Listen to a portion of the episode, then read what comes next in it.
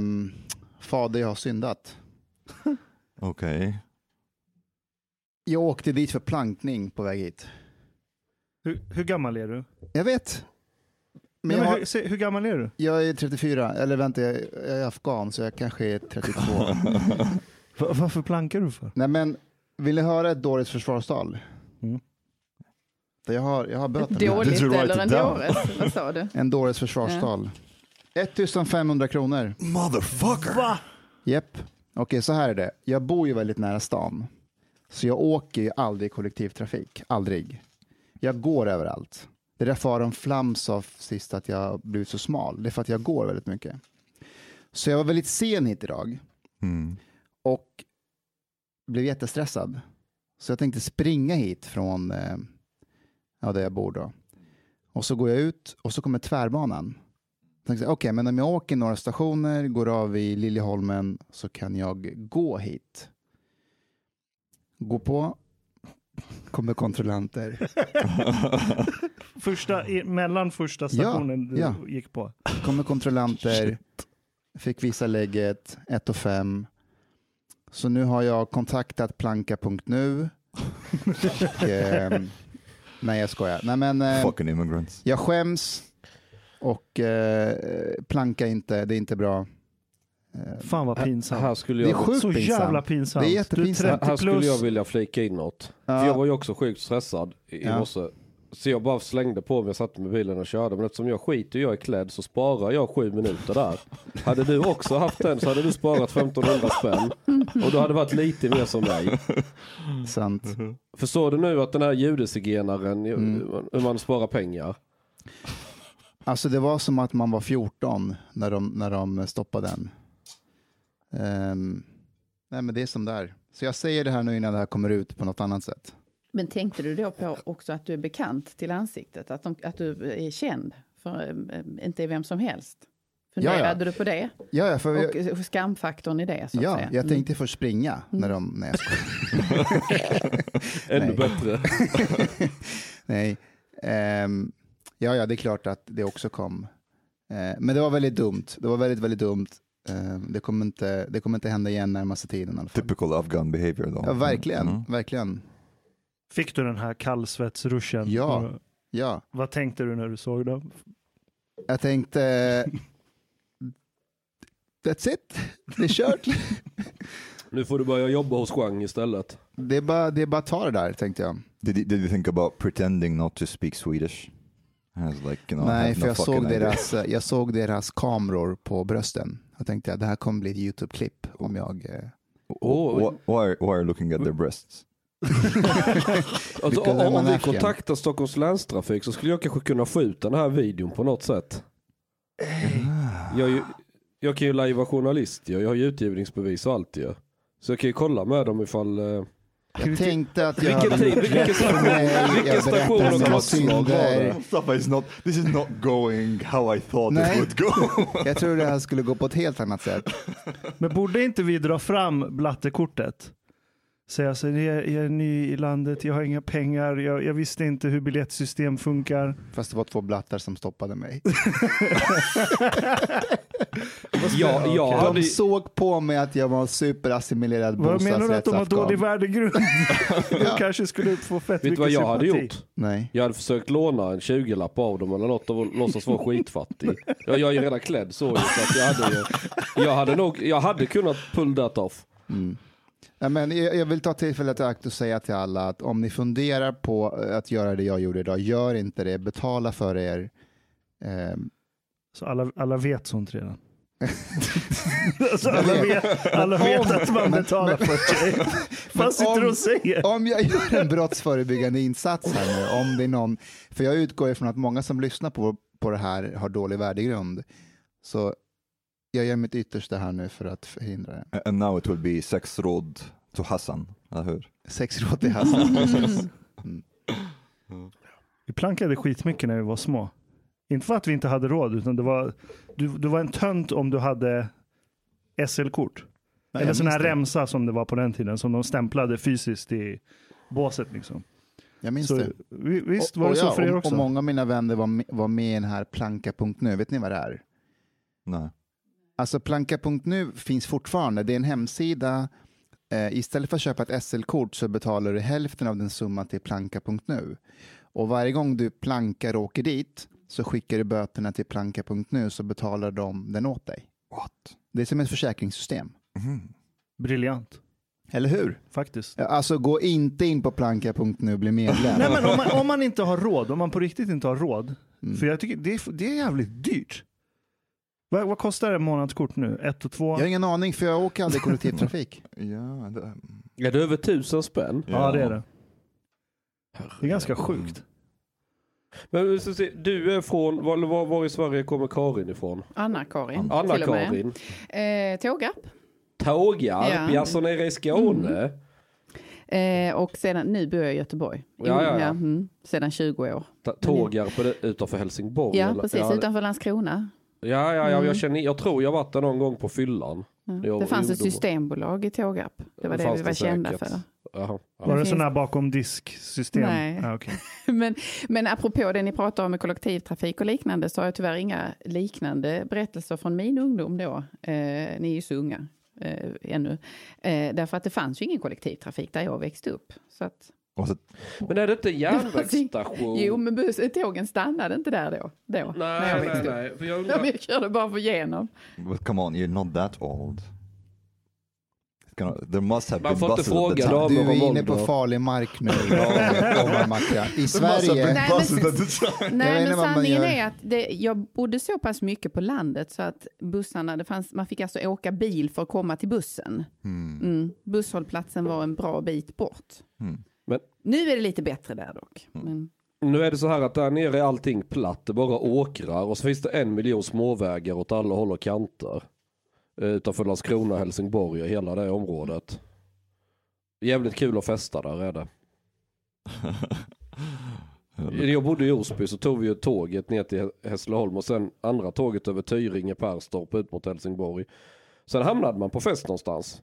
Sen träffade man någon annan lirare som man aldrig vet. Följer man med den idioten till något annat ställe, klev man på tåget och hamnade i Rå eller någonstans utanför Helsingborg. Och sen, ham sen var man på ytterligare någon fest och sen ett, tu, tre så hamnade jag på någon fest i Drottninghög i Helsingborg. Då hade jag tappat bort alla mina polare. Hur, Och då tra- var- hur transporterar man sig? Nej, man tog någon bil? bussen, låt dem, ah, ja men du är ju rolig, häng med oss här. Så hängde man med dem bara. Och sen plankade man. Snälla säg att det, man ja, plankade. det minns jag inte, jag var för full.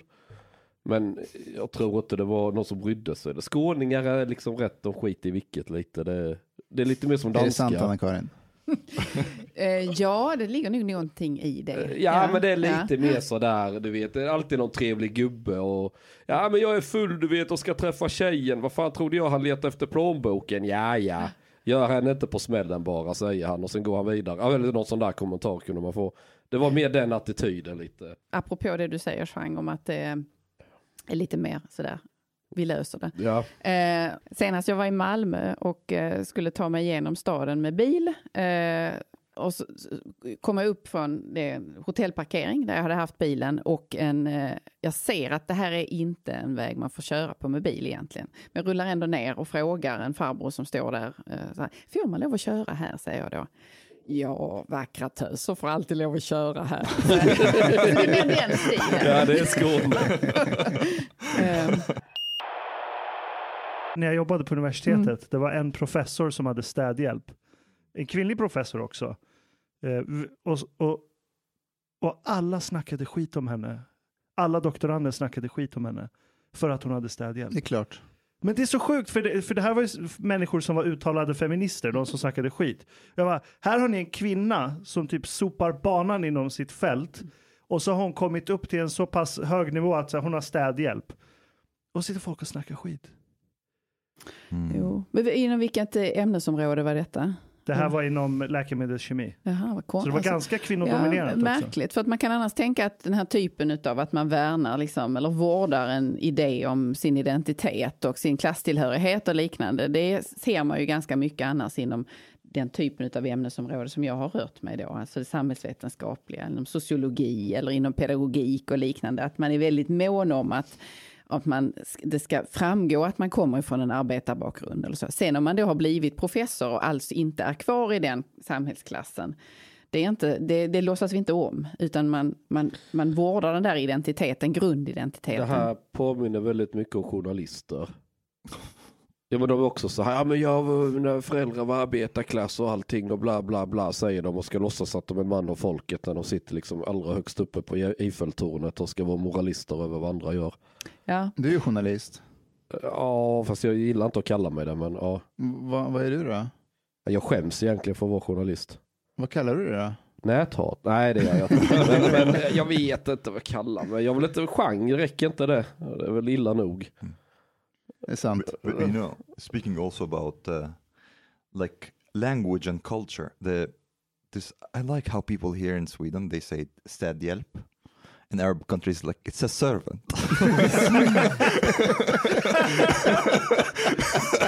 this is like such a and just like this word, a cultural gap that opens up in front of my eyes. Alltså nu när du säger det, det är ju riktigt nyspråk. Ja. Det är ju en betjänt. Ja. Gud, jag låter som en idiot så här. Ja, men det är ju en betjänt. Ja, det är en fucking betjänt. Men vi säger städhjälp.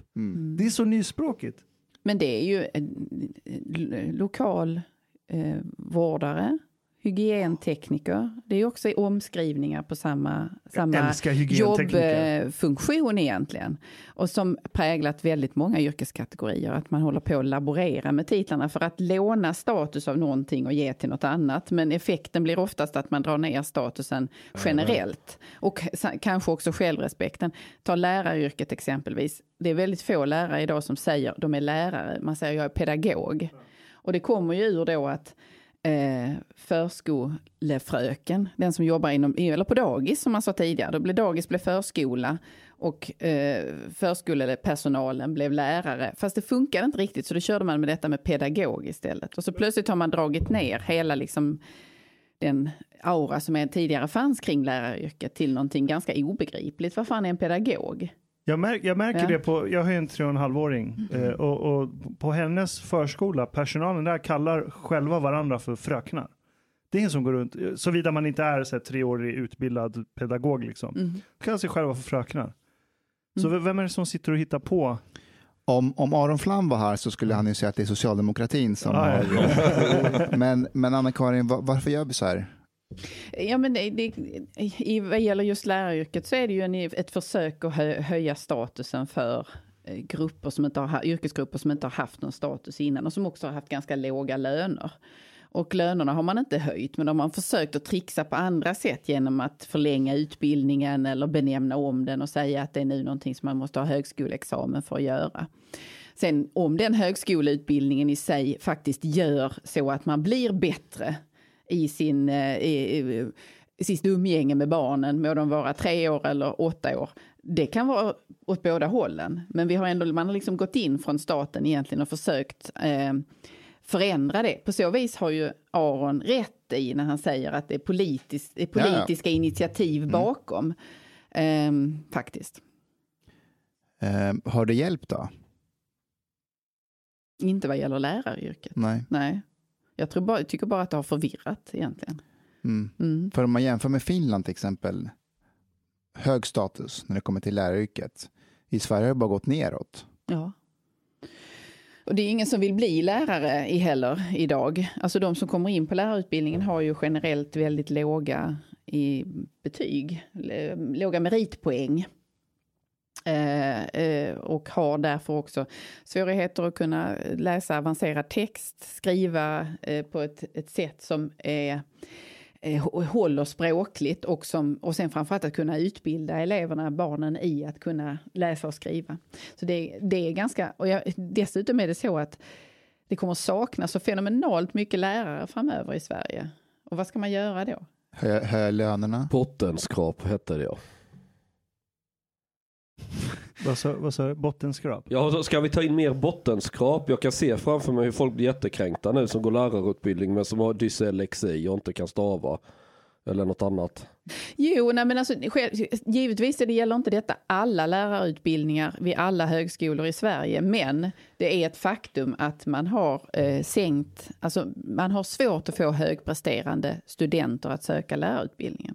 De söker andra utbildningar. But but does this? Do you think this has mostly to do with the level of salaries or also or more with the work conditions in school and Yeah. the relationship that has has changed between the teachers and the and the students? Jag tror att det har, in, från början hade det delvis med lönen att göra, för lönerna var låga. Men de har man höjt nu. Och särskilt som man har de här olika, man kan bli förstelärare och tjäna ganska bra.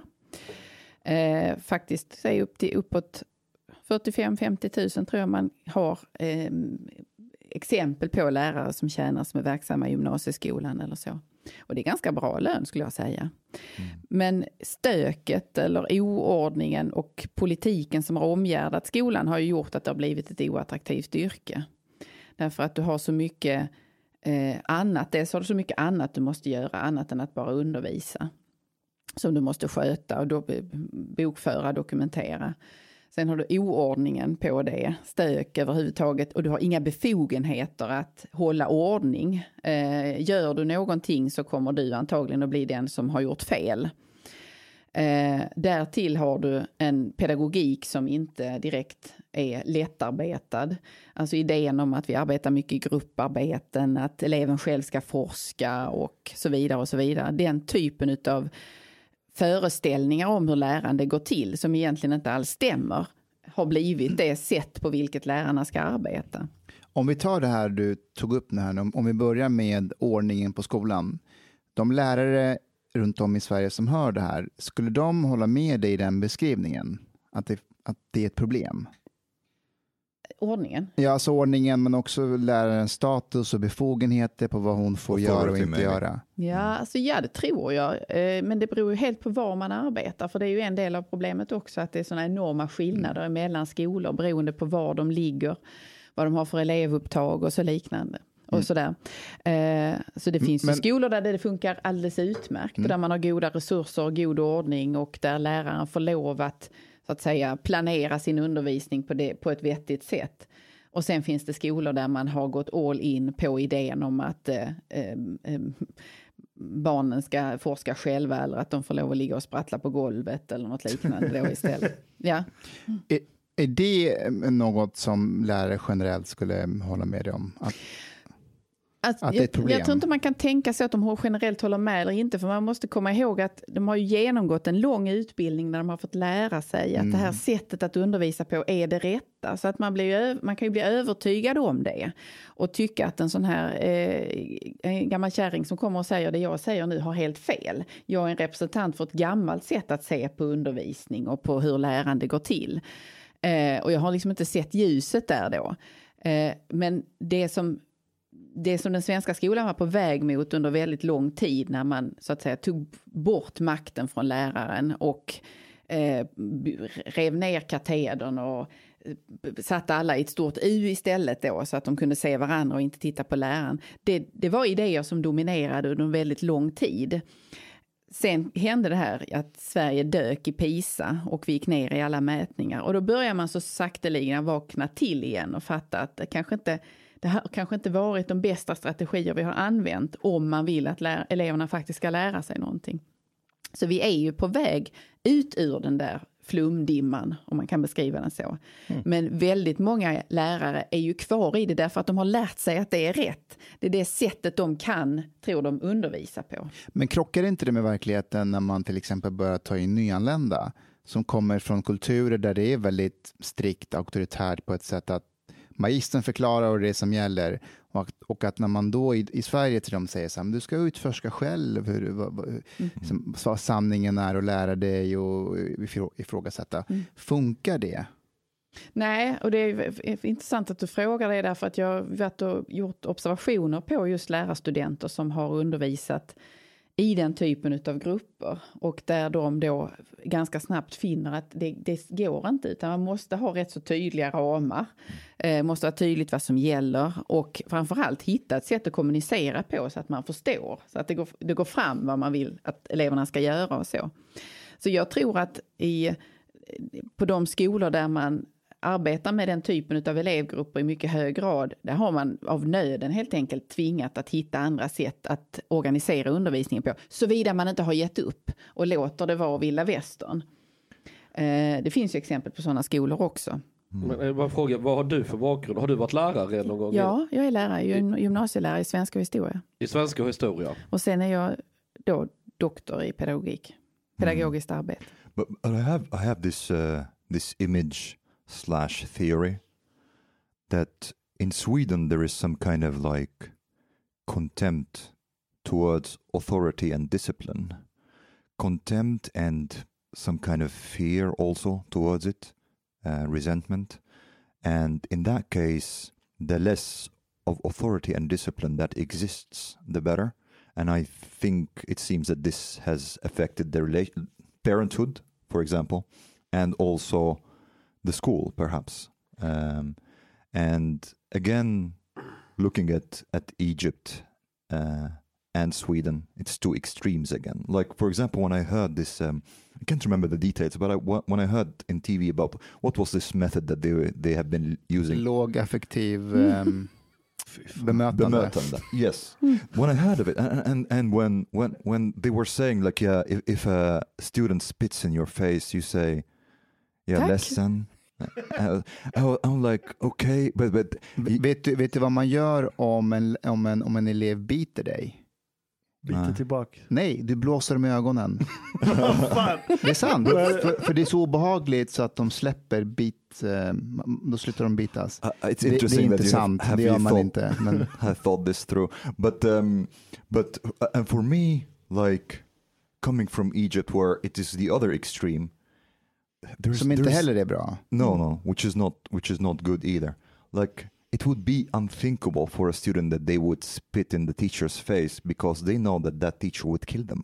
Yeah. I mean, like Och- maybe maybe literally. Och föräldrarna skulle them. komma på begravningen och säga tack till lärarna för att de dödade Yeah, barnet. This would be han, stopp, yeah, han spottade ju läraren i ansiktet. exactly. Alltså, lå- lågaffektiv grejen, jag, jag kan fortfarande inte fatta hur en sån grej kan slinka igenom den så kallade världens mest så här, hyllade byråkrati. Och snu, snubben har hatt på sig.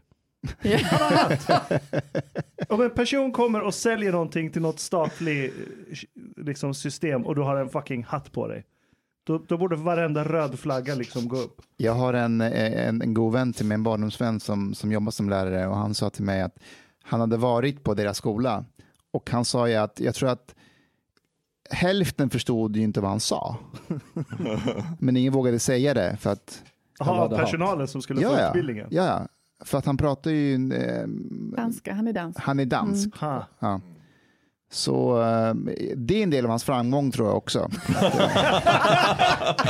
Okej, Han du har hatt och ingen fattar vad du Ja, säger. han har ju knäckt koden. Då säljer jag- du till sve- till svenska Dans- staten. Ja. Danskar är ju ännu mer Skåne än vad Skåne är. Och när jag växte upp så upplevde jag att den, ni, när jag gick i skolan så lärarna kunde vara väldigt auktoritära. Och när jag gick typ gymnasiet, jag pluggade naturvetenskap, det tror man ju inte om mig men det gjorde jag ju. och då började ju flummet komma. Men våra lärare, de, de var ju så här, ja enligt skolplanen så ska vi göra så här, men det kommer vi ju inte göra för de har fel. Det var ungefär så våra lärare sa, så vi skiter i det och så gör vi normal katederundervisning och det som säger emot får stryk. Det var ungefär så matteläraren sa. Och alla gillar ju matteläraren, han var ju bra men han gillade att supa en del, bortsett från det. Var han full på, i klassen också? Nej, han kunde komma rätt bakis.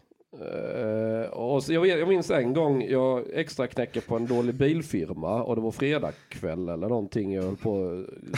Jag vet inte varför det är roligt. Jo, men, Det är, skit, det är skithemskt att man blir alkoholist. Jag, jag, jag saknar inte empati. Men jag, det är Men bara i så alla kul fall- att en person kommer bakis till skolan. Ja men i alla fall, ja men det här var Osby, alltså det är Osby, Osby.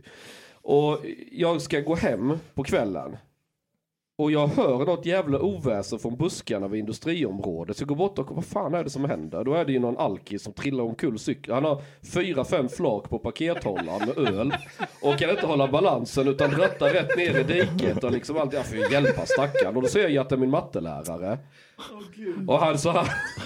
Fan vad hemskt. Ja, det, det var en annan gång så var det jag var oense. Nej, han, han höll på någonting om att han skulle... Jag hade ju en kille i min klass som var hockeyspelare. Och hans farsa var ju alkis. Och han själv var en jävla odåga. Varenda helg var han ute och söp sin i helvete och slog som en galning. Och pluggade också natur. Skitduktig på plugg, alltså riktigt smart kille. Men kom så här, skulle vi börja åtta på morgonen då drällde han in vid halv elva. Och en jättestor snus under läppen alltså. Det var liksom en airbag som hängde där under näsan. och, han, och han kommer in i klassrummet och läraren står där och matte och det blir helt tyst. Och man ser på, vad fan hette han? Skitsamma. Han har liksom rödsprängda ögon. Man bara ser att han har inte sovit den natten. Han är fortfarande full ju. Och det är en onsdag eller något. Och, och så är det en papperskorg där och han tar liksom pekfingret och gräver ut den här snusen och bara, du har en duns liksom när den åker ner i, i den här. Och läraren bara tittar, det var som en film ur den här Animal House, har ni sett den? Nej. Delta-gänget. Alltså ni, ni, ni, är ju, ni kan ju inget om kultur ju. och, och, och han ska gå och sätta sig och, och så sätter han sig vid, vid sitt, bredvid mig då, vi satt alltid bredvid varandra. Av någon anledning. Och så var det någon gammal skrivmaskin eller något så sitter han som en jävla apa liksom och bara slår med knytnäven på den så här. Eh, Liksom, han bara skit i vilket. Och läraren bara, håll käften jävla kördahuvud. Du vet, så här, alltså, det var så här skrek han tittade liksom. Det var så där surrealistisk situation kunde det vara. Och senare, jag vet inte om det var den dagen eller en annan dag, så var det matteläraren, han skröt om att vi var, han brukade alltid så här, han tyckte om att mobba elever lite så här, eller tjuvnyp lite så. Så sa han, han går ju på gubbgympa på Friskis och Svettis. Så ingen, ingen har kondition som honom. Och så skulle jag ju vara kaxig så jag dig brottar jag väl ner din gamla stöt. Det är väl ingen, du, du, vet så här. Ja men kom då säger han ju. Så börjar vi brottas då i klassrummet. Och bänkarna for i allting för jag vägrade ju ge mig och han var ju seg så in i helvete gubbjävlar. Så vi ligger ju där på golvet och rullar runt ju. Och tjejerna i klassen, men sluta håll inte på så. Där var fan du vet för vi var ju omogna i deras ögon ju. Och till och Sa, med, vad, vad sa han? Håll käften! Ja, jag bara lägger, lägger inte i. Det var ju viktigt vem som ska, vem som ska vinna den här brottningsmatchen. Och till slut kommer rektorn förbi och ser detta liksom harkla sig. Vad håller ni på med liksom? Så här. Men det var ju liksom, alla höll ju käften. Nej, nej, vi bara skojar sig allihop och låtsas som inget. Men det var, sån relation hade vi i alla fall. När du kom in i offentligheten, Mm. jag minns att du, vad hette det programmet, Nanny, Supernanny. Supernanny, Mm. vilket år var det här? Eh, 16 eller 17 gick Mm. det tror jag. Mm. Var det första gången du kom in i offentligheten så att man kände igen dig? Eh, ja, precis. Ja, men jag, när jag disputerade så gjorde jag en del grejer apropå min avhandling och sådär. Lite olika tv-program och så framträdanden. Men det här var ju, jag har inte haft något annat. Det var ju mitt tv-program, mitt som jag programledde. Så att på så vis var det en skillnad då. Mm. Hur, var, hur tyckte du, om du minns, att du uppfattades i Sverige i det programmet? Och dina metoder. Va, va, vad var bilden av Anna-Karin? Eh, jag tror nog att det, det som var knepigast i det var just det här att jag kom från universitetet. Att jag hade liksom en teoretisk bakgrund på så vis, i att jag var doktor i pedagogik då. Eh, och, och, och att ta ett realityprogram och placera mig i det. Den, den så att säga krocken eh, ställde väl till det kanske i huvudet För, på en för, del. för vilka? Ja, det är därför att det inte ansågs fint att göra Okej, det. alltså det, det du är inte dina- så man förvaltar sitt akademiska kapital. Att Okej, gå men- in i en realityprogram då, tänkte folk, uppfatta, eller tänkte mina kollegor. Kollegorna. Ja. Men, men hur uppfattades du av eh, vanliga Svensson som tittade på det här programmet? Eh, eh, mest, alltså till 99 procent positivt Mm. uppfattade jag det som. Att man, jag var ju, folk skrev till mig, ringde mig, eh, ville ha hjälp med allt. På lördag mm, förmiddagarna var det många som ringde, för då hade jag liksom, mitt nummer var sökbart och så. Och så ringde de och frågade om någonting som var väldigt där, nu, nu är det helg igen. Och nu ställer, nu ställer ungarna till det, hjälp mig. Mm. Eh, och sen så eh, brev av den, av den typen. Väldigt... Det som förvånade mig mycket var att det var så otroligt basala frågor ofta man ville ha hjälp med. Like what? Eh, min åttaåring fuskar hela tiden när vi ska spela sällskapsspel. Vad ska jag göra? Eller min treåring vill äta mer godis än jag vill ge treåringen. Hur ska jag hantera det? This is like as as like first world problems in parenthood as it can get. Ja. Men och där, för att anknyta till vad du sa tidigare om det här med hierarkier och vem som bestämmer och inte, där eh, den slutsatsen jag drog handlar ju om att eh, man, man till, som förälder så tillåter man inte sig själv att vara den vuxna eller vara Right. föräldern. Mm. Utan man tittar på barnet och tänker snälla kan du, kan du visa mig då Ja. hur jag ska göra? Var ska vi gå nu? Hur mycket är lagom? Vill du inte äta det så ät inte det. Eh, och så följer föräldern efter som ett litet fån istället. Mm. Och låter barnet leda för mycket. Mm. Eh, det här med lågaffektivt bemötande som vi pratade om tidigare. Mm. finns ju en annan dansk där som har betytt väldigt mycket för föreställningar om, om föräldraskap och barnuppfostran som heter Jesper Juhl. Han är också dansk. Se, Danskarna har knäckt Ja. koden. De vet vad man ska göra. ja, eller så har de saboterat väldigt mycket. Men De fuckar Eh. upp vårt land. Ja. De fuckar upp allt. För hans idé är då att barnet är kompetent, det kompetenta barnet. Och det, så vi ska liksom lite sådär titta på barnet istället och se, du kan själv eller låta barnet leda. Och missförstår man det riktigt ordentligt så, kan, så tappar man den där biten som säger att barn behöver ju också kompetenta vuxna. Yeah, exactly. Så att jag kan ju inte liksom bara släppa allt och, och tänka att barnet har det i sig från början.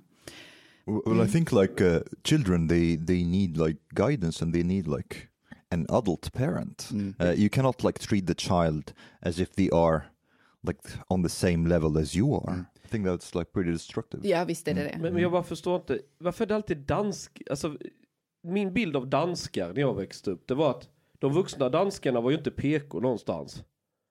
Nej, men man Och- kanske, möjligen har det, är, finns det någonting i det danska samhället som är mer hierarkiskt orienterat än vad det svenska har varit. Och på så vis kanske den typen av utspel som han den här Helskov, eller vad han heter som är med låga, ja, med hatten. ja, eh, eller Jesper Juhl, när de talar om alltså att lite grann rasera hierarkier eller utmana. Så är det utifrån en dansk kontext. Ja, precis. Så att, och där kanske det har kunnat finnas goda skäl att ibland göra det, medan i det svenska så blir det För jag vet när jag växte upp i Skåne, Fast vänta, jag bara säga, du fattar väl att de två danskarna spelar en roll? De slår ju sina barn hemma själva. Men i en svensk kontext så har de knäckt koden och tjänar pengar. För jag vet att, ja det är möjligt, för när jag var liten och vi hade någon dansk fotbollstränare, man fick ju stryk av honom på fullt allvar om man inte gjorde som man skulle. Det var, det var liksom inga jävla fingrar emellan där. Sven, svenskarna var ju mer mesiga, de var ju lite så här, du vet, som svenskar är. Men du amerikaner, alltså de här frågorna som du, som du beskriver att du fick, så här, mitt barn äter mer godis än jag och, eh, och, och liknande, hur ska jag göra? Alltså de, är ju, de finns ju inte på kartan i en afghansk kontext. En, en, en, en, en afghansk föräldrar Ger inte godis till sina barn. Nej, nej men det, alltså, den skulle ju skämmas om den ställde ett sånt... Den skulle skämmas om den ställde en sån fråga till någon. Eh, Det betyder inte att, att man har svaret. Jag tror att man kämpar med det också. Men, men vad säger det om ett land som Sverige när man får sådana frågor om barnuppfostran? Mm.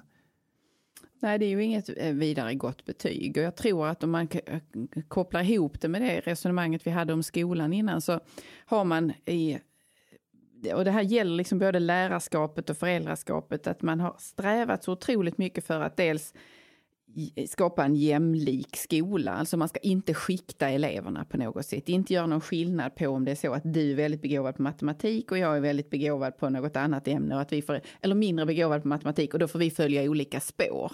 Det har vi varit livrädda för i Sverige och tagit bort alla sådana möjligheter att skikta eleverna beroende på begåvning och inriktning och intresse. Samtidigt så har man varit lika fixerad vid att demontera lärarrollen och föräldrarollen då, alltså ta bort makten ifrån de här rollerna. Bryta ner hierarkier. Ja, exakt. Och att tänka att det är, du, är, du ska inte så att säga tro att du kan lära någon annan något, utan du kan bara stå bredvid och möjligen stötta lite beroende på var du då vill gå i ditt lärande och vad du vill fokusera på eller inrikta dig mot. Om man har de två Eh, processerna igång samtidigt. Alltså ta bort alla eh, skiktningar. Inga, inte, du går inte någon speciellt eh, snabb version av kursen utan det finns inga sådana möjligheter. Och läraren blir eh, fråntagen sina maktinstrument eller sina styrinstrument.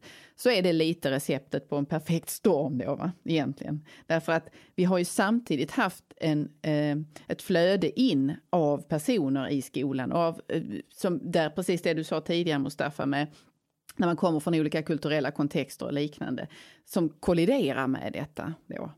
Va- varför tror du vi är så rädda för makt i Sverige? Vadå vi? Eh, eh, Ja, men nu försöker jag lå- låta som att jag är en del av landet. Ja, Men går man, alltså historiskt så startar detta efter eh, andra världskriget i princip. Att då börjar man eh, ladda om i tänkandet kring skola. Och där man är urrädd då för att ehm, på något sätt öppna upp eh, eller hålla fast vid en, en skola som man då sammankopplade med det som hände i Tyskland. Eh, och där, så, där man då ser, det viktiga blir inte att eh, kunskaps... Eh, att ge eleverna kunskaper, det är inte lika viktigt som att fostra dem till demokratiska medborgare. Så att den, det, fostran blir på ett sätt viktigare då, men inte utifrån att man liksom ska så här, rustas med kunskaper och bli självständig, utan man ska bli den goda människan då. Om jag bara förstår detta rätt. Om man kör alltså traditionell katederundervisning så är man rädd att detta leder till nazism. Ja, ja men, men, men alltså, det, det låter ju helt psycho, men det finns ju en sån koppling i detta där man har sett framför sig den auktoritär, en lärare som eh, man sammanblandar auktoritet med att vara auktoritär. Det är ju inte, det är inte givet att det är samma sak. Va? Om jag är lärare och har kunskap om någonting, då är jag en auktoritet i det och kan eh, med den i ryggen undervisa er om något, om det jag kan. Men, men det är lustigt. Men då tror man att du är också därför auktoritär. Och ni vet ju vem som var auktoritär? Just det, Hitler. Inte bra. But, but I wonder also like uh, when it comes to questions like my my children are eating too too much candy or whatever. I wonder like how much of um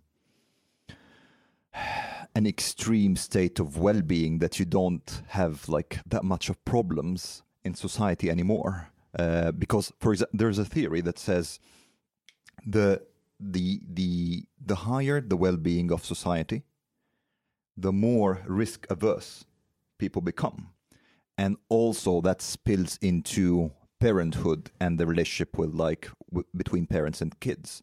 Um, and so for example when when you have like a, a state of like very high well-being parents actually in a way become very protective of their children in a way that other societies are not. Like uh, i remember for example uh, my father he used to like i know now that that kids like really don't go around alone and things like that. And for me this is like it's a bit strange because my father he used to send me to run errands for the house when i was six years old in cairo and, and not just that he he also like made me take my three year old brother with me and he told me like your brother is your responsibility and then I, would- then would be like the two of us going to the streets of cairo total chaos and and me like buying stuff for the house and and so on and bargaining. yeah, Yeah. that that too. He he told me that you you see when you buy stuff you have to like bargain, and for for me in almost in a uh, in an autistic way, I have to like get the price lower. So I Kan would han bli mer Jag stereotypisk arab? jag, jag ser framför mig att han står i marknaden och de, han, hur mycket de här tomaterna? Som en sexåring. yeah. Precis. Och, Yeah. och han, frukthandlaren säger, I eh, this. "Va- vad är valutan i Yeah. Kairo? Uh, Egyptian pound. Ja, this is three, three Egyptian pounds. Så man bara, for me, this is not a good price. I will give you two. This is, this is a very good impression, but I, I would say yeah, like three three is too much. Two is enough, and they'd be like, we we go back and forth until we get like maybe half an Egyptian pound less, or even sometimes quarter, and I could stand there for like two hours. But I want to like go back to my father and tell him I got the price lower. I got like half an Egyptian pound. Alltså det, det är väldigt nära den judiska kulturen hör jag. Well, we're cousins. Ja, ja, ja. Det, det, jag, jag gillar det jag hör. Det är, bra. Ja, men det, det, alltså det är jättebra med barn, sådana övningar. För man lär sig, som, jag har ju två unga, en är fem och sju. Nu är inte jag något föredöme till att vara förälder, ska jag inte påstå.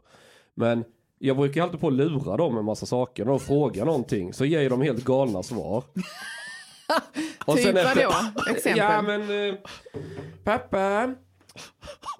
Jag har faktiskt lärt mig hur dinosaurierna dog. Ja, för de bar inte munskydd för coronaviruset, svarar jag då. Nej, det är inte sant. Ja, det är det väl. Det finns väl inga dinosaurier kvar. Har du sett en dinosaurie med munskydd? Nej men sluta, det var inte så de dog. Du vet, så, jag håller alltid på så här. Liksom. Alltså, någon gång på vägen så börjar de upptäcka att jag driver med dem. Ibland har jag gjort det lite snyggare så det tar ett tag innan de fattar att nej men vänta det här stämmer ju inte.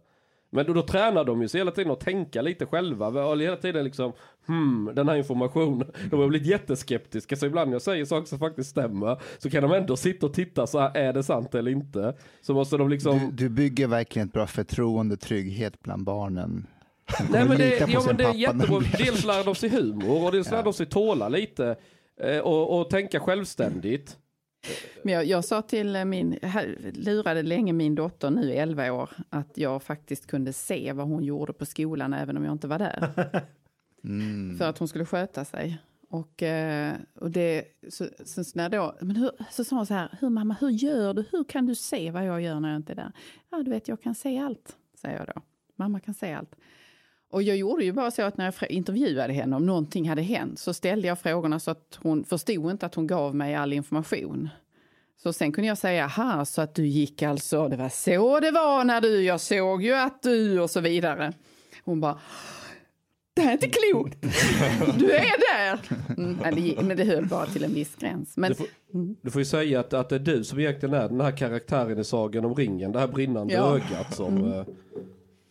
Eh, you, know about this? Nej, eh, Det du nämnde om att ju, ju mer välmående ett samhälle blir, desto mer eh, risk eh, avert, eller vad blir det? Vi undviker risk. Eh, en annan grej jag tänkt på det är att alltså, riskaversion ökar ju med ålder också. Man blir mycket mer riskavert när man blir äldre. Och nu är det ju trendigt att få barn när man är vad, så här 30, 32, 33. Man är ju mycket mindre riskbenägen då än när man fick barn för vad? That's 40 interesting år sedan, då är du aspect. 22, 23. Då är du lite mer så här lössläppt, du, din frontallob är inte ens färdigutvecklad, du är lite retarded liksom, när du får ditt första barn. Och, och jag märker det nu, speciellt på Stockholms föräldrar. De är ju helt besatta av sina barn, totalt besatta och så har de byggt upp någon så här kultur sinsemellan att man får inte ge barnen eh, så här halvfabrikat, du får inte ge burkmat, du kan bli helt ostracerad i ett sällskap om du säger att ah, men jag ger mitt barn så här semperburk ibland när jag inte orkar eller så här trött. Så folk kan verkligen skamma dig för att du inte lägger ner hela din jävla existens på det här barnet. Mm. Kommer ni, kommer ni ihåg de här gamla Rocky-filmerna? Eh, jag tror att det är andra filmen där han får barn. Hans fru är gravid och så är de, eh, du vet, han, han står utanför förlossningssalen bakom ett fönster eh, med, med sin tränare som de ska, de ska ha match. Och så ser han att hans fru föder och att läkaren håller upp barnet och han tittar liksom på sitt och så säger han så här wow, great, så bara vänder han sig mot trän sin tränare och bara ska vi gå och träna? han går inte ens in i, i förlossningssalen för att liksom krama Okej, sitt barn. inte så. Inte så. Inte så. Fast har det här, det här påminner mig om när jag fick min första unga. Detta är true story. Det, det, var så här, det tog ju lång tid innan det var på väg. Så jag ringde polare Jakob. Och min sambo känner ju honom. Liksom, det är liksom inget så här. Så han var ju med inne i förlossningsrummet så där också. Vi satt och snackade. Och, och hon var ju mest glad att det var liksom någon mer folk där och så. Och sen började det bli dags. Och då kommer det in någon eh, undersköterska. Och jag och Jakob sitter där och snackar. Det är han som är ansvarig utgivare på Nyheter Idag ja. Och hon, hon, var, hon var från Somalia eller något. Så frågar hon, ja vem är pappan? Och så, jag kan aldrig hålla käften. Så, ja, vi, vi är lite osäkra på vem av oss det är, så vi är bägge två. Och, så, och jag är helt gravallvarlig och hon bara tittar så här, du vet, så hon, hon blir helt förstörd. Och jag bara, vadå? Eller så här, precis som att, sa jag någonting konstigt? Vet jag bara spelade, liksom bara för att driva med henne. Ja, ah, nej, mitt jobb är bara att hjälpa till så att barnet kommer till världen. Jag, jag har inga synpunkter. Och hon var ju helt livrädd och säger någonting fel där. Och så var det någon annan som så sa jag, nej det är jag som är farsa, jag skojar med dig. Bara, nej, nej, jag, jag har inga synpunkter, du behöver inte förklara. Du hon var så här livrädd. Hon hade blivit svensk. Ja, hon hade blivit svensk. Ja, det var, det, ja, det var lite kul. But but for for me, I, I would say again, if we going to back to parenthood,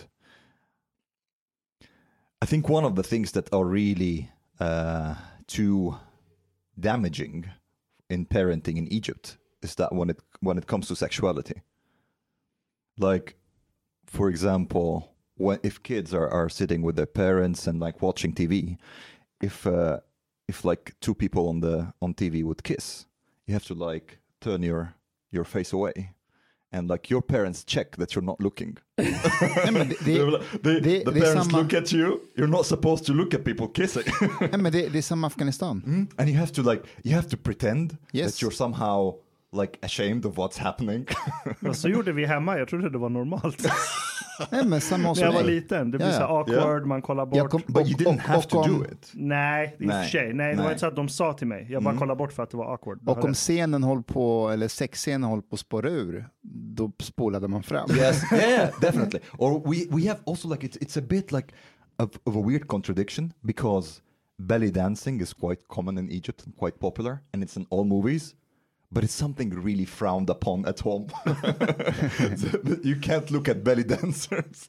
Um, but uh, and I remember like my mom, for example, some I, used to get like these like pop music magazines and things like that, and my mom could be like a little bit upset when she sees uh, like women in these magazines who are not properly clothed. Min, min mamma fick panik när hon eh, upptäckte att jag läser Bert. Hon visste inte vad Bert är, men någon gång så var hon i mitt rum och så tog hon en Bert-bok och läste baksidan. Så hör jag från andra sidan lägenheten, hon bara ropar på min pappa. Hon bara, vad är det för böcker vårt barn läser? Den, den handlar om att det är killar som gör kvinnor gravida och de hånglar med varandra. Bert hade ju stånd i varannan bild. So, within some interpretation of Islam, um, basically, if you masturbate, you will be resurrected on Judgment Day with your hand pregnant. Så dramatiskt. det är I know, I know. And I really, I really believed that. so like every time I masturbated, I was like, fuck, was this the time that I impregnated my hand? And, and there's like so many myths around it. And it's like that it makes you weak and like you, you will not be able to like have sex when you, when you get married and things, and then you'll be like sterile and things like that. And I imagine like the, the burden uh, that I felt because of all that as a teenager. And to the extent that I started to keep a diary and uh, basically to, to document A masturbation diary. a masturbation diary. Yes, a masturbation diary. Omar's masturbation diary. Yeah, and like and like writing about like basically how how I'm addicted to masturbation and how masturbation is making me weak, how I'm making like God angry and things like that. This is not what, det är inte vad Allah hade sett framför sig. För sig. Det kanske är någonting du kan ge ut. Fragment. Så, som Lars Noréns eh, diktsamling. Yeah. Ja. But but then and the, and I was trying to quit because of all that because I was feeling like I'm addicted, but at the same time that I'm going to be destroyed in this life because I will not be able to get married and destroyed in the afterlife because my fucking hand will be pregnant. Uh, and I was like documenting my attempts to quit masturbation um, and how I'm failing several times a day. and documenting everything. And I was like writing the diary in English. Och sen hittade din mamma den. How do you know the things that happened in my life? well, anyway, so Jag kan I också come- se allt precis som Anna-Karin. I come home one day and my mother is sitting in my bedroom with the diary, holding the diary, and I see the look on her face. And the thing is, my mother's English is not that good. So she understood everything except the word masturbation. so, so she's seeing me like I'm addicted to something called masturbation, something called masturbation making me weak. God is getting angry because of something called masturbation. And then she looked at me, silence, and I felt like I was going to like die at that moment. And then she looked at me and I was like, What's this masturbation thing? Get it out, show it to me. And I was like, What, mom? like childhood trauma. And then I had to sit with my mom, explaining to her what the word masturbation means. Fuck. Um, Did you say it's, it's heroin? Det hade varit mindre jobbigt. so uh, that uh, that was one Hur of tog the. din mamma detta? Uh, she was uh, she was upset. Uh, she she thought that this was something like that's really shameful and something that's like really haram. And the thing is, like now when I look back at it, what the fuck? Like everybody in this fucking society is masturbating, and they are like prolonging like a, a- like a myth that masturbation is not normal. Okej, men om, om, vi ska, om vi ska göra en liten dykning i det där. Alltså, Mm. Man kan ju skratta åt det här och säga så här, de här abrahamitiska religionerna och efterblivna de var som eh, ville skamma alla till att inte onanera. Men, men alltså sanningen är att om du är hemma och onanerar hela dagarna så, så sitter du hemma och onanerar. Du bidrar inte till samhället, du, du, du blir lat, du, du gör ingenting. Så en tolkning kan ju vara att, de, att syftet var att få folk att inte onanera och faktiskt vara ute och jobba och bidra till samhället. Och om du var hemma och inte bidrog till samhället så var det en föreställning om att han ligger hemma och onanerar. Så det, Men- fanns, ju, But- det but- fanns ju ett syfte Yeah. med att... Jag But säger, they're going to fucking masturbate anyways. ja, men det gör Jag det tror man gör, man gör det mindre. För, Man gör det glöm- glöm mindre. Inte, all, allt som vi garvar åt, åt religion idag, det har ju inte funnits så länge utan anledning. Det har ju funkat, det har ju haft någon effekt. Exakt. Plus att du förlorar libido. Om du masturberar hela tiden. yeah, Du but, förlorar libido, du förlorar livslust, du får inte den här så här, fan jag måste gå ut och uträtta någonting. Man kan ju ta testosteron som normalt folk. but, but, Då löser- det sig. but, but I, don't, I don't think it's, it's worth it all the psychological burden though. Men man, kan ju vända på sätt. det och titta också ur, alltså från ett svenskt perspektiv hur man här har, man var först med att ha sexualundervisning i skolan. Och hur, eh, I hela världen. ja jag vill mena det. Ja, Oj. ja, ja. Eh, och, eh, och hur man idag lägger en rätt så stor tonvikt vid detta i, i skolan också. Vid att man väldigt tidigt börjar tala om sexualitet och att man försöker hålla öppet för alla typer av alla variationer och alla preferenser och så vidare. Och inte göra det du beskriver då, skambelägga. Eh, eh, olika slags böjelser och så vidare. Och jag eh, tar tidningen Kamratposten exempelvis. Den innehåller i, i rätt så stora doser i varje nummer fråga svar från eh, 10, 11, 12, 13-åringar då vad gäller, gäller hur kroppen förändras och hur sexualiteten plötsligt kommer till uttryck och så. Nästan till en grad så jag kan tycka att det är då blir jag nästan din mamma där. Alltså att det blir för mycket. Att man kanske eh, att man lägger de här tankarna i barnets huvud innan de är där till följd av att kroppen ändrar sig och lusten börjar komma och man börjar eh, experimentera och så vidare. Och det kan jag också tycka om man tittar på barnprogram och liknande där eh, SVTs produktioner har, man har fått kritik för det också, för att de kanske går lite för långt, för att de kanske att det är vår tids sexliberalism på något sätt. Va? Och att det ska, allting ska vara tillåtet. Att detta också finns i, i barnprogrammen idag på ett sätt som... Frågan är i vad mån det gör gott. För det man vill komma bort ifrån är ju det här skambeläggandet som du beskriver. Eh, men lika illa är det ju att driva på i någon riktning för att det är, känns fräscht och liberalt och så vidare då. När det inte är där hos barnet ännu. Exakt. Alltså jag, jag minns det där. Jag, ehm, jag, jag var tillsammans med en tjej som hade en, en dotter och hon gick i mellanstadiet. Och eh, jag och hon, den här dottern, tittade på barn, Bolibompa barnprogram. Och så var det någon sån här tonårsprogram som utspelar sig i mellanstadiet också. Och då var det en kille som var kär i en tjej. Och eh, han var övertygad om att när de ska ut på den här lilla dejten då, att de skulle pussas. Men han, ha, han hade aldrig pussat en tjej innan. Så då pratade han med sin bästa killkompis och säger så här, jag är jättenervös. Eh, Jag tror att jag kommer få pussa henne, men jag vet inte hur man pussar en tjej, så kan inte jag få träna på dig? Och då vet hans kompisar, nej det vill jag inte, och så kommer de överens om att okej, du ska få pussa mig, så att du vet hur det känns. Och då står deras andra kompisar och håller vakt så att ingen ser att han ska pussa sin killkompis. Och så pussar han sin killkompis och så blir han jätteglad, för nu vet jag hur det är att pussa. Och jag tittar på det här med, eh, Were they all Afghan? nej det var de inte, och så jag, jag tittar på det här Varför med undrar den här det? det var en afghansk tonårsserie från, Af- från Kabul. Tittar jag på det här programmet med den här lilla flickan, med tjejen, hon är tio år gammal, nio år gammal. Och hon tittar på mig och säger så här, jag tror inte att killarna i min klass skulle göra så, säger hon. Jag tror inte att de skulle pussa på varandra in, om, om de ville pussa på oss sen.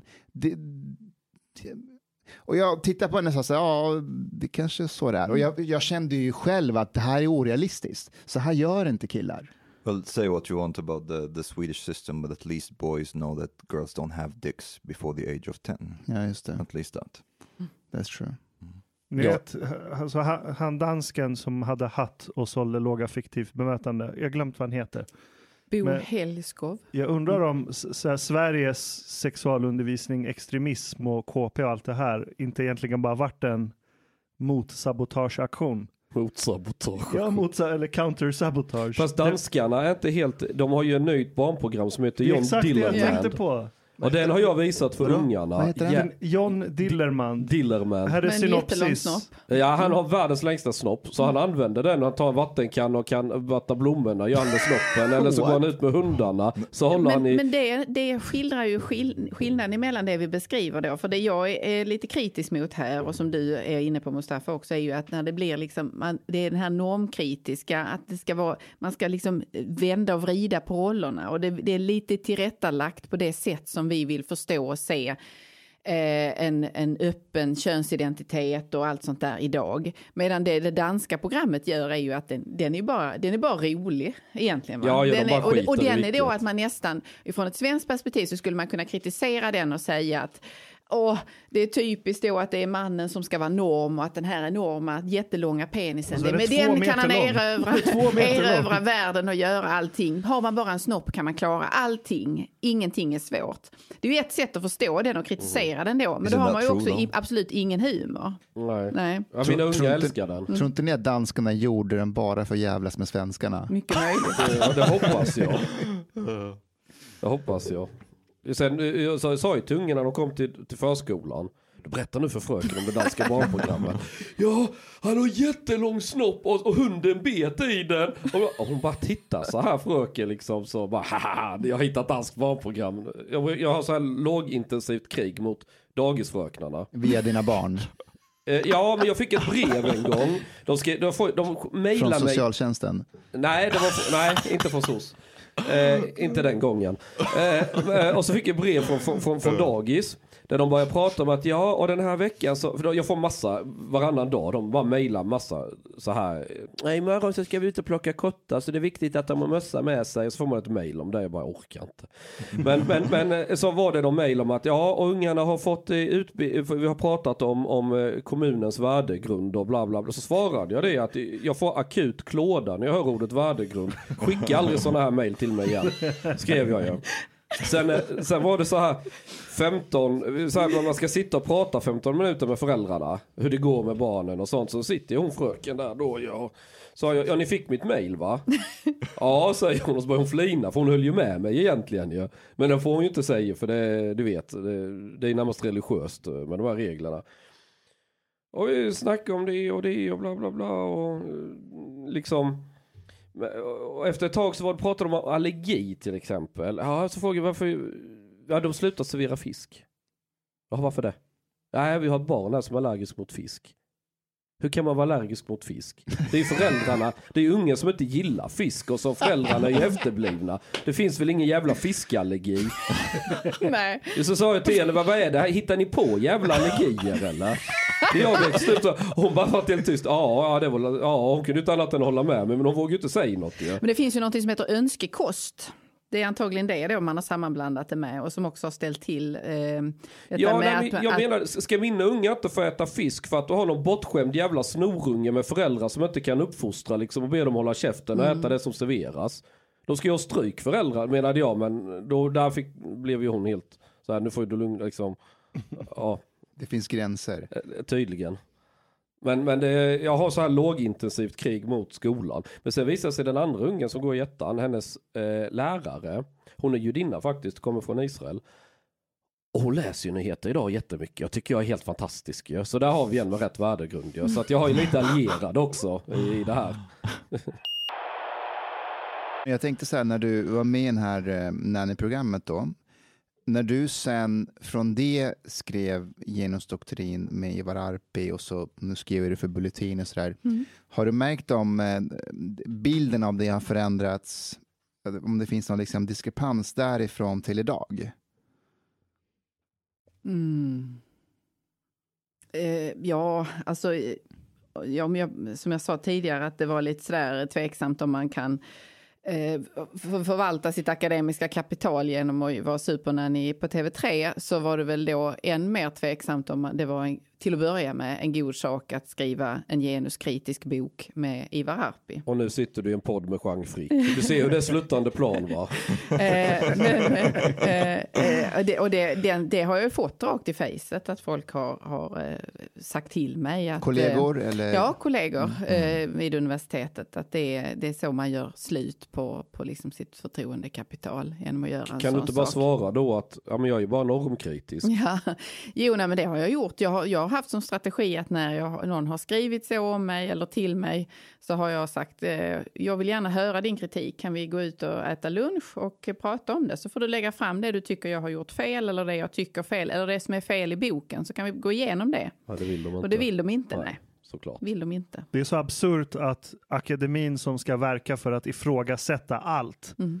Sitter och tystar sina kollegor. Det på, det, det, jag, Det är, de är ju religiösa. Ja, jag, har ju jag, jag ingenting märkte med... det när jag, när jag pluggade och, och doktorerade i Uppsala. Det, det är en stor så, så här, emblem på, jag kommer inte ihåg vilken byggnad.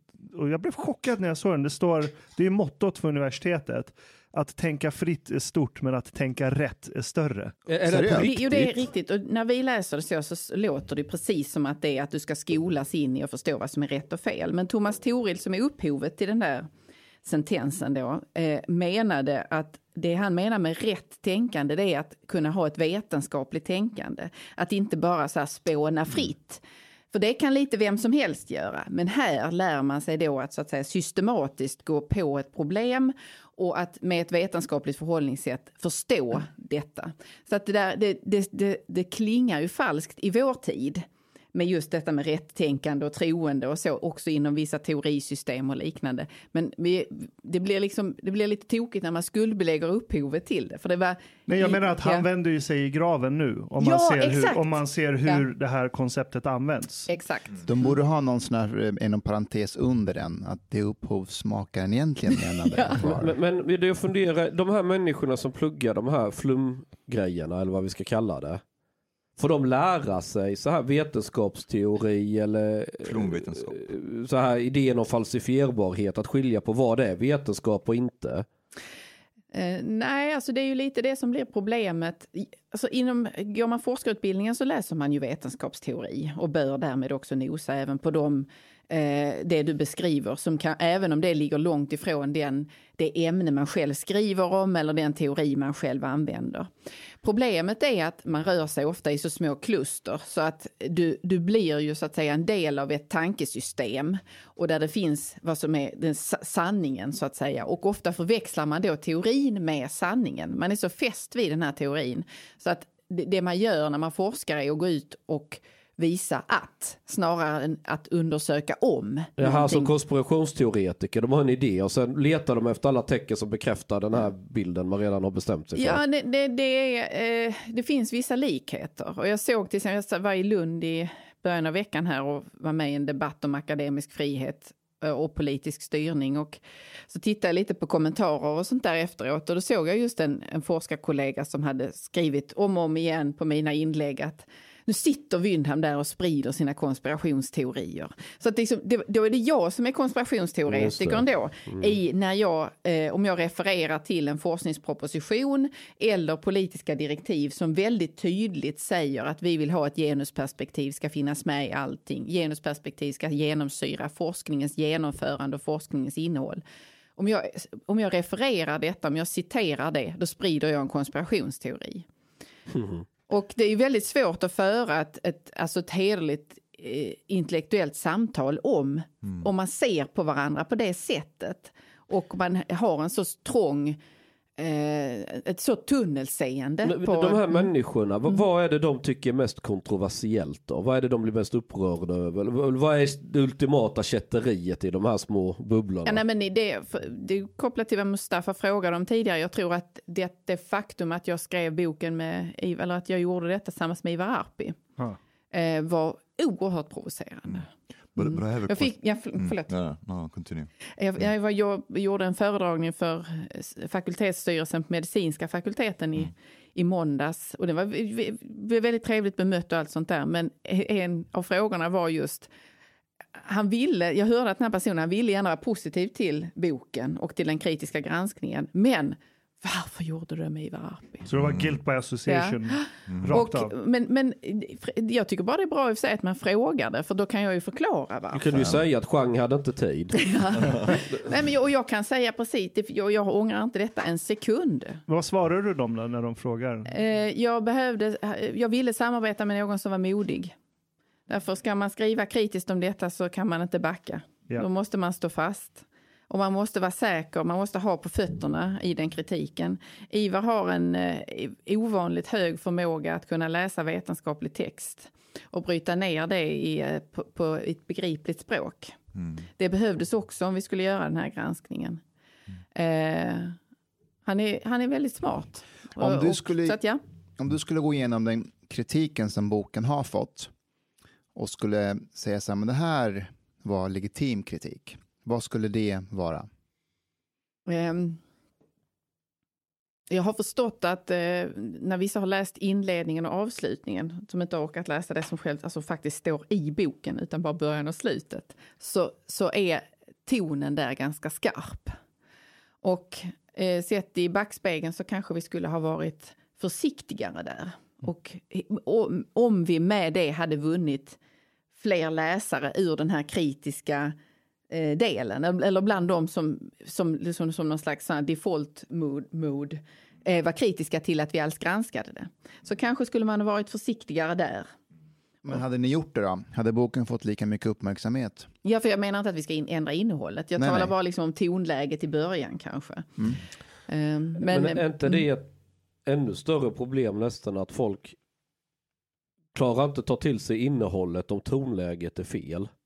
Jo. vad har hänt liksom med akademin när man är så efterbliven att man klarar inte tillgodogöra sig en text? Åh nej, tonläget. Eller ännu värre att man inte läser den, men ändå ger sig ut och kommenterar och eh, spyr på, på något. Nej, men det är ju institutionell dumhet. Alltså det, man lär ju ut någon slags, man lär ju folk att, att vara efterblivna på något plan.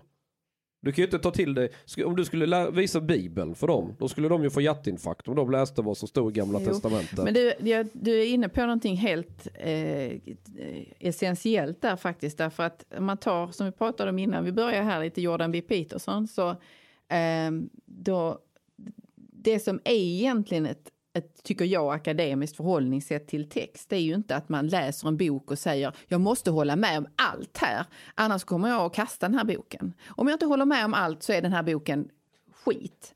Utan snar, snarare är det ju så att du tar det till dig litteratur och text och tänkande och så ser du där har den här personen en poäng. Sen håller jag inte med X alls här i det här resonemanget om vad det nu kan vara. Men sen så hämtar X hem det igen i slutet. Så resonerar man ju om det. Men man har idag i det akademiska eh, institutionerna, framförallt de samhällsvetenskapliga, hamnat i ett läge där om man inte håller med om varje kommatecken, varje mening, så är det liksom ut med det bara. Det har inte här att göra. Och det är en förflackning och en eh, av, av vår förmåga att, att, att mötas, trots att det kan finnas Du, meningsskiljaktigheter. du, du sätter fingret på något intressant därför att jag ser ju där också, alltså inom inte akademin utan inom offentligheten, alltså, till exempel en, en person som Sam Harris, han i sina poddar nu varit väldigt kritisk mot Trump och Kapitolium och allt sånt där. Och hans, en del av hans fans har ju vänt sig emot honom och, och, och, och säger i princip att jag höll med dig om allting förut men nu håller inte jag med dig så nu vill jag inte ha med det att göra. Jag är medveten om att folk som lyssnar på oss när vi pratar om omskärelse till exempel eh, kan komma och säga att eh, det där var bra, ni, ni, ni gjorde ett bra jobb men nu med omskärelse, det räcker för oss. But Eh, they will love me and they will hate you guys. ja, de kommer, du, du starta De kommer lyssna ändå, det är inget att bry sig om. Nej, nej, nej, nej, men det handlar inte om det. Det handlar om att det finns en så intellektuell lathet. Att Yeah. antingen håller jag med dig om allting Ja. eller så vill jag inte ha med det att göra. Ja. But I, I think that the problem is like in the public debate, I think that we that we are much more focused on interacting with people than interacting with ideas. Uh, so you can interact with some of the or like all of the ideas that a person puts forward. You don't have to like, at least according to me, take that person who put these ideas forward into consideration at all. Like I'm just addressing the substance of what you said, uh, and that's it. sometimes you will say something I agree with. Sometimes you will say something that I'm totally against, and that's that's fine because these, for me, these two ideas are separate. They have a life of their own in a way. They have nothing with that person um, to do. Ja, men jag håller med dig, Mm. men, men det, det verkar för mig ibland som att det inte finns en plats för det sättet att tänka ibland. Och, uh, ja, det, det, det är jättesvårt. Det är som att man, man investerar allt för mycket i personen bakom idén. Eh, Alltså, jag jag vet inte, Annika, om du kan känna igen det, men ibland kan jag få mejl eller någon som hör av sig och säger jag håller med om allt du säger. Alltså, det, det är ingenting jag gillar, att håller du med om allt jag säger? Har du inga... Har And inga... you're like, just wait until you hear this. Aha, precis. Ja, men det, är, det, är, det är för att de här människorna vill ha en religiös profet att följa. De är inte ute efter att tänka själva eller eh, ta någons idé och fundera vidare på den och förädla den eller någonting sånt. Utan, Man vill, man vill ha ett, en, ett svar bara. Eh, Ja, den paket. ultimata sanningen. Jag har den här profeten och så är det en identitet. Jag följer Jordan Peterson så därför är jag sån. Eller jag följer Nina runt på Instagram och därför har jag de här uppsättningen värderingar. Och så är det mer bara en, en yta, en image. Det, det är inte, det är samma som när han sa det här att med barnen på Södermalm att om man ger dem sempermat så blir du helt ostraserad. Men det är ju inte så att de på fullt allvar tror att barnen dör för att de äter barnmat. Det där är faktiskt jävligt intressant för, för jag märker det med termen alternativ media. Eh, Jag har märkt att vissa människor använder den termen på internetmedier de inte håller med om. Men om det är ett fritt internetmedium som har samma värdegrund som dem, då kallar de det för typ, nej men det är, det är en blogg eller ett nätmagasin. Men så fort de inte håller med om det så blir det alternativ media. Och där ryker ju hela den här källgranskning, källkritikprocessen rakt av. För säger du att, ja men vad läser du på internet? Om någon frågar mig då och jag säger alternativ media, då tror de att jag är nazi. Men det finns hur mycket bra alternativ media som helst. Det finns riktiga dyngblaskor också. På, på, på tal om det, jag har ett skitkul exempel hur jävla korkade folk är. När jag bodde i, när jag bodde i Hallunda, så jag hade köpt en sån där gammal polisradio, för brandkåren där nere använde fortfarande dem. Så jag hade den på mitt skrivbord och satte antennen, jag bodde på femte våningen så jag hade bra täckning ju. Så hör jag i alla larmen direkt från brandkåren. Och då hörde jag ett larm, det var en väg som är 500 meter från mig. Brand på parkering, de ska skicka ut det. Så jag bara springer ner med kameran. In i bilen, kör bort. Så jag är ju där före brandkåren nästan. Och det brinner så in i bomben på Fem bilar står i fulla lågor, den sjätte håller på att ta fyr. De står bredvid varandra så det sprids ju ganska fort. Och folk samlas på parkeringen, det är kaos. De försöker rädda sina bilar men har inte nycklarna med sig. Och, eh, du vet, försöker rulla bort på något sätt så att inte den också ska börja brinna. Och det kommer brandkår och poliser och jag filmar och fotar och hela det här du vet. Och gör en artikel i nyheter idag. Kaos i södra Stockholm, brand på parkering. Det var något sådär, jag satte sån här kvällstidningsrubrik. Får ju massa kommentarer. Och jag skriver ju, jag, när nyheter idag kommer på plats och brinner fem bilar och jag har bilder och jag har videoklipp och allting. Skriver en kommentar, nej är det här, jag tror det här är fake news, vad är källan? och ja, det finns ingen länk till, något, till Aftonbladet eller något, har detta hänt? Ja men det är en idiot, jag har ju stått där själv, fotat på pa- parkeringen. Jag bor 500 meter ifrån. Och jag, jag har ingen skyddad identitet, du kan ju googla var jag själv bor. Så ser du att jag bor 500 meter. Nej men det har inte stått i SVT eller Aftonbladet så jag tror inte alls det här har hänt. Egentligen är ju skolans roll än viktigare i att kunna ge någon slags kunskapsbas och att kunna rusta eleverna i att kunna klara av att navigera i förhållande till vilken källa man använder eller inte. Och det, det, det är därför det blir så tokigt med detta när eleverna då själva får välja vad de vill fördjupa sig i och sen gå ut och forska själv eller något liknande och inte eh, inte förses med läroböcker eller inte förses med den grunden som de behöver. För att man kan ju inte bara tänka kritiskt till att börja med. Det är ingen av oss besitter den förmågan från start utan på något sätt så måste du ha kunskap om ett område. Det område du ska tänka kritiskt kring. Och om de som har genomgått då nio eller tolv år i svensk skola, kommer där ur utan att ha möjlighet, alltså de, de har inte de här fundamentala kunskaperna om eh, i att kunna avkoda text eller att, att veta hur världen ser ut, att kunna peka ut vissa länder på var de är. Då innebär det att de får börja från start varje gång de läser en nyhet.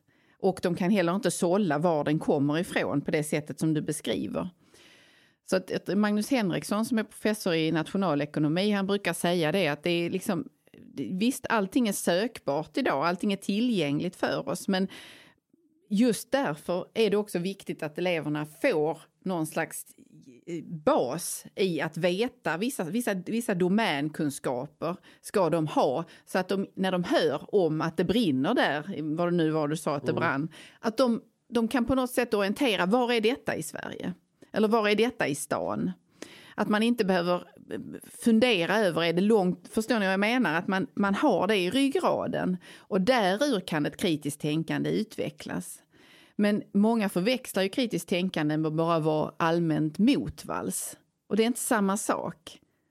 Eh, det, är, inte- det, är, det är inte kritiskt tänkande att bara hela tiden säga emot eller säga ja, ja men jag har ju min sanning.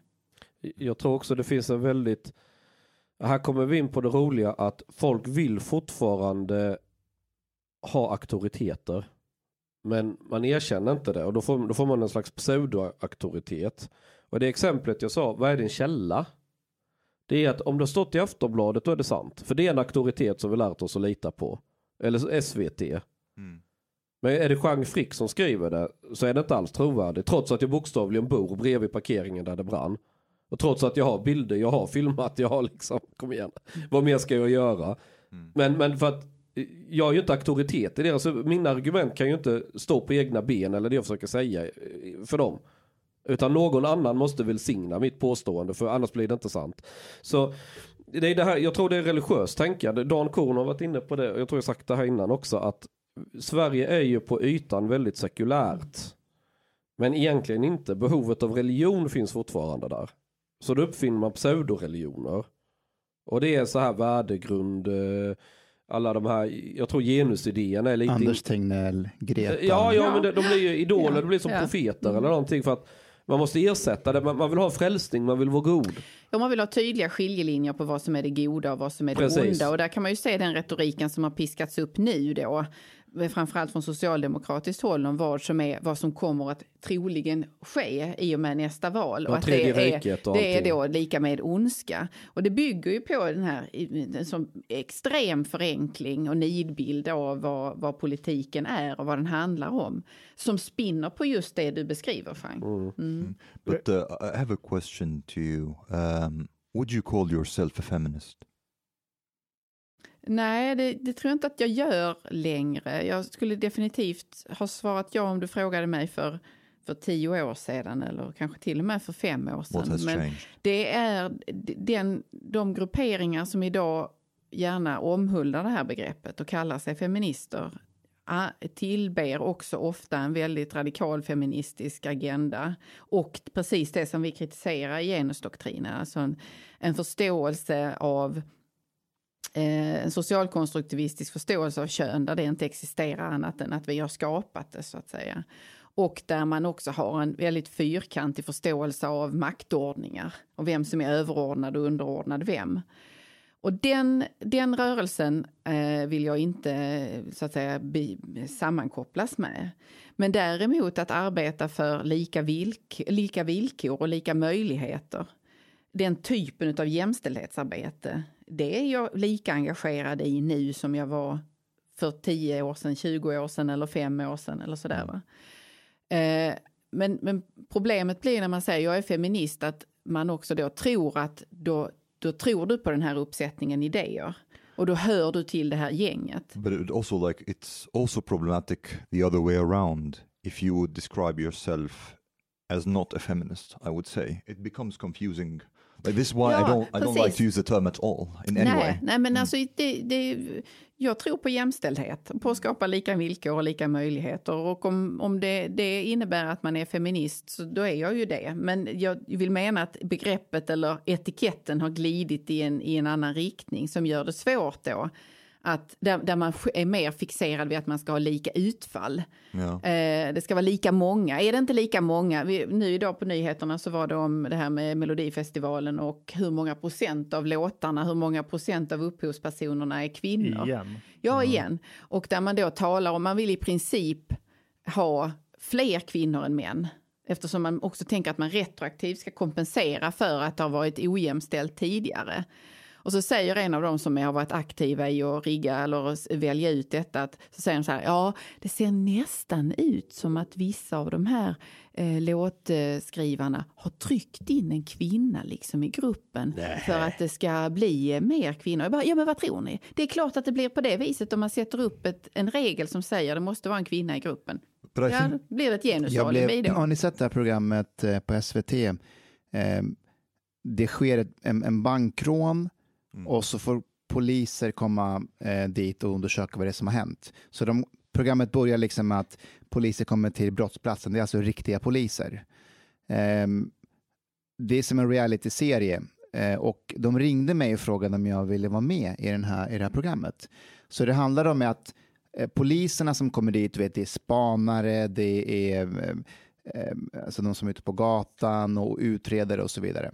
Så de har gjort det att de har tagit gamla poliser, alltså som många går till pension. Eh, så det är liksom kriminalkommissarier, alla har en bred eh, eh, erfarenhet av, av Ringde de Peter Springare också? Ja, precis. Eh, Alla har en liksom bred erfarenhet av polisarbete sedan tidigare, så de ringer mig och frågar sig, vi skulle vilja att du är med i det här programmet. Och så fr- frågar jag lite om upplägg och vilka som är med och då berättar de alla de här liksom pensionerade poliserna som är med. Och då säger jag så här, fast jag, jag jobbade bara i fyra år, jag har inte erfarenhet av eh, eller kompetensens av utredningsarbete eller spaningsarbete. Så, eh, så jag säger så här, men blir det inte lite konstigt om jag kommer med i det här programmet med alla de här gamla rävarna, vad ska jag bidra med? Och då märker de att jag är inne att, så här, varf, varf, varför ringer ni mig, varför är jag med? Jo, nej, men vi tror att du blir jättebra. Du, man, be, man behöver inte ha så mycket erfarenhet. Du, vi kommer hitta en roll. Ja, men alla du nämnde har ju jättelång erfarenhet. De är pensionerade poliser. Så vad ska jag göra i det här programmet? Och det blev inget bra samtal. Så, vi, så det, Du det ska bröts. vara husblatte. Ja, men jag tänker också så här, alltså, det är så taskigt för att det är inte så att de egentligen tänker på mig här heller. De, de bryr sig inte om att om jag är med i det här programmet så kommer ju varenda polis som är i det här programmet titta på mig och säga så här, vi fattar att du är inkvoterad. Mm. Och vilket är sant. Vilket, men, but also like very offensive. det- det är det. Men, det. men de vill ju bara checka av en lista av att vi hade en brun polis med i det här Ja. programmet. But but uh, going back to this um, this whole thing about feminism, maybe like wanting the same outcome rather than than just. But but the thing is, like it it actually makes a lot of sense if you have the idea that men and women are identical. If you have the idea in your head that men and, and women are identical, of course you would explain like any kind of like diversion and outcome. Something is wrong that needs to be corrected for. Some kind of oppression is going on and so on. And and this is this is the problem with a certain brand of feminism that denies any kind of like differences between men and women as a group. They deny a difference in personality traits for example or psychological differences that can ha- can be rooted in biology. Um, and if your feminism uh, is based upon that men and women are identical, this is a very dangerous kind of feminism, um, and and also like I- I think I think if we acknowledge that men and women have some like differences or psychological differences or whatever, like for example, if we talk about assertiveness, men as a group are more assertive than women, for example, and I understand that that can actually create maybe a disadvantage for women because we have a system that values assertiveness a lot. So if you acknowledge that you have this system and that men and women are different on this trait, you can actually correct for that uh, difference in the system for a way that actually uh, can correct for the imbalance. Man, man måste också vara tydlig, tycker jag, med att när man säger att män är, as a group, mer assertive än eh, kvinnor, det betyder egentligen att det finns lite fler män som är mer Exakt. assertive än kvinnor. Det är som när man kollar så här IQ, normalfördelningskurvan på IQ mellan män och kvinnor, så finns det lite fler män som har högre IQ eh, än kvinnor. För männens normalkurva är mycket mer ihoptryckt. Men samtidigt betyder det också att det finns många fler män som är korkade också än det finns korkade kvinnor. Du menar att tjejernas kurva är mer ihoptryckt? Eh, ja, ja, så måste det bli, precis. Ja. Så, så det finns fler män som sticker ut Precis, åt den, båda den är hållen. lite plattare, kurvan är Exakt, bredare. precis. Den har bre- eh, längre svans. More Så, variation. så du Mm. får både och. Men det betyder inte att, jag säger inte att du menar det, men att, eh, att alla män är mer no, no, än kvinnor. No. Eh, Och, och där tror jag det uppstår ett ganska grovt missförstånd också. När man gör de här påståendena så kan det bli rätt, lätt att man blir triggad. Så här, vadå, menar du att kvinnor är korkade eller? Så, nej. Men det, det som är så märkligt i det är ju att man också på, samma gång säger att könet ska inte spela någon roll. Och, samtidigt, och sen så säger man att det spelar all roll i världen. Därför vi måste räkna, vi måste kolla, vi måste ha lika. Så könet blir ju då det som antingen diskvalificerar en eller kvalificerar in, en in i någon viss position beroende på vad, vad statsmakten har bestämt att man ska ha så många procent eh, kvinnliga professorer eller vad det nu är. För nu, nu, den typen av mål finns exempelvis upp, ut till varje högskola och lärosäte. Så här och så här många eh, procent antal kvinnor ska ni ha rekryterat till året 2023.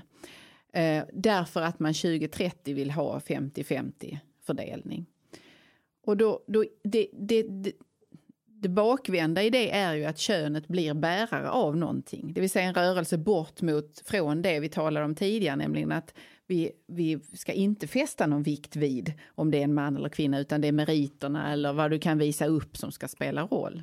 Jag, jag kommer ihåg en gång när, när jag var med i Ondskans parti 2010. Eh, eller inför valrörelsen där, när SD skulle in i... Har du varit med i Miljöpartiet? Ja, precis. Så var vi inbjudna att ha debatt på Kristianstad högskola och jag kommer ihåg att Adam Sveiman var också där och lite så. Och jag tror det var rätt mycket så här samhällsvetare och sånt där. Och så skulle vi ställa oss om vi var väldigt för någonting så skulle vi ställa oss väldigt långt till höger och var vi emot så skulle vi ställa oss väldigt långt till vänster så vi delade in oss och vi står på skala med olika saker. Och så var det då om vi är för eller mot kvotering. Och då ställde jag mig allra längst ut på kanten mot, jag skulle vara längst ut av alla, nästan så jag trillade av den här scenen. Och så fick vi då motivera det. så skulle jag då fråga mig, ja men Chang, var, varför du är emot kvotering? Jo, jag har studerat väldigt mycket genusvetenskap. Och så börjar alla bara titta på mig, nej vad ska han säga nu? Så, så, eh, och, och där får man ju lära sig att kön inte finns. Det är bara en social konstruktion. Alltså därför finns inte kön. Och vi kan ju inte kvotera efter något som inte finns. Det hör ni väl hur dumt det är. Så kvoterar vi så upprätthåller vi ju könet. Och då blir alla bara knäpptyst. Bara, och de andra vill gärna hugga mot mig ju. För då var det ju alltid så här att vad SD-are sa var på automatik fel. Så alla tävlade ju. Man visade hur jävla fel man hade för att de skulle plocka poäng på det. Bara knäpptyst. De, de, bara, de vet inte vad de ska säga. De här på vänsterkanten då. Det tyckte jag var en kul Du var, du var ett troll innan man kunde vara troll. Ja, Jag tror att många glömmer bort att auktoritet, sättet vi ger auktoritet till medier eller universitet, auktoritet det är ju en tvåvägsprocess. Auktoritet är inte någonting någon bara har, det är ju någonting du ger till någon. Medan här så utgår vi, här, så här, eh, när du skriver om att det brann på parkeringen och så frågar folk så här, vem är källan? För du är inte välsignad Mm. av Svenska Dagbladet eller Aftonbladet eller whatever.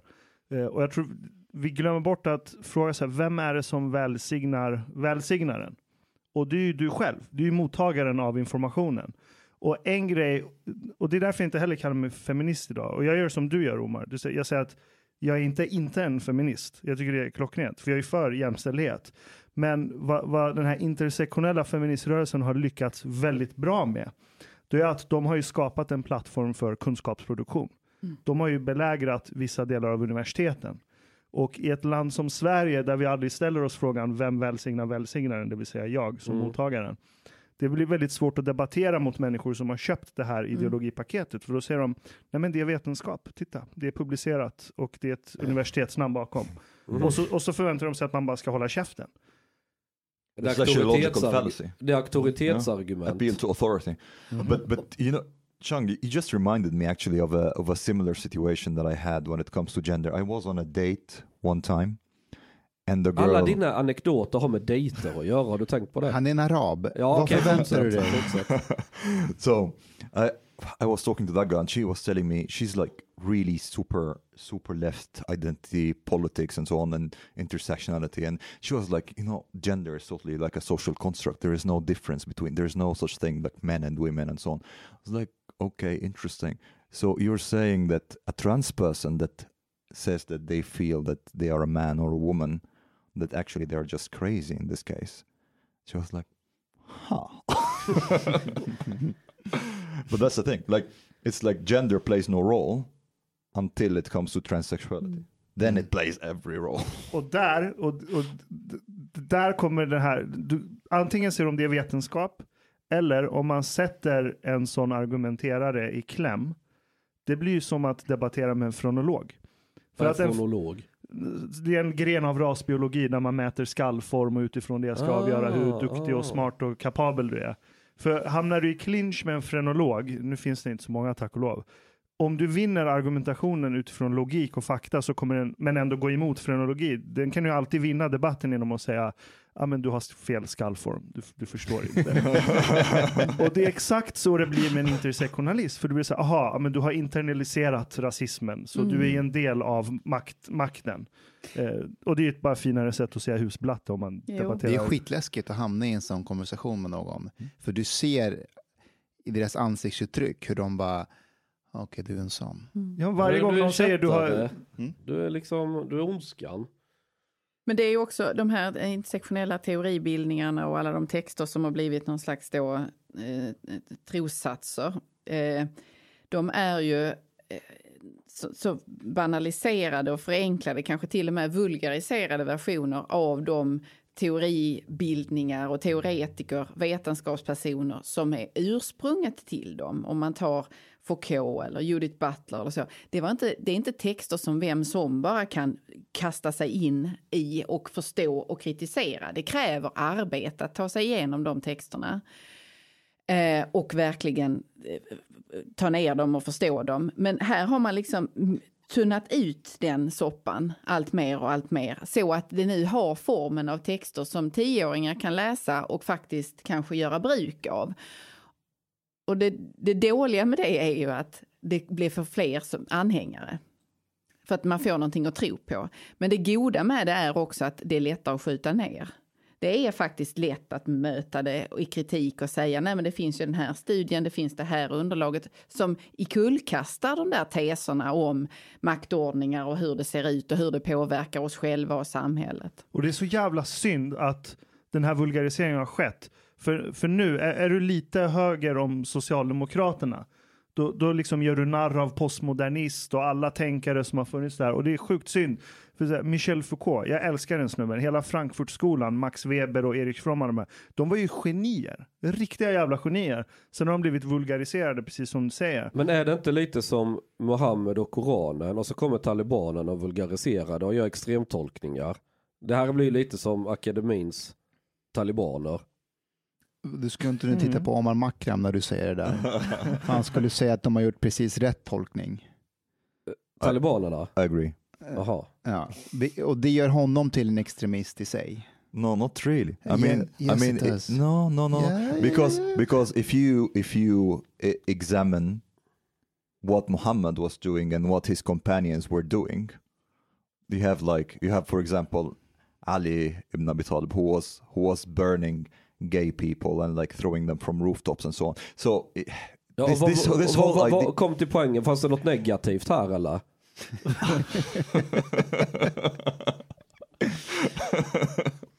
Behövde du komma iväg Anna-Karin? För vi, vi, vi, vi har ingen tidsplan. Nej, okej, okej. Nej. Det är det araber är, så de kan inte klockan utan så vi, vi ses klockan två så dyker de Jag upp klockan sneglade på din klocka innan men den är... Den, stopped. ja. What is Ja, this? jag säger det. What is this time? ja, det, det är inget skämt. Alltså, me- Mellanösternkultur, där är tid ett väldigt flytande It's begrepp. three and I want it to be three. What is, what, what is this? For me, it is three. It is sometime in the afternoon.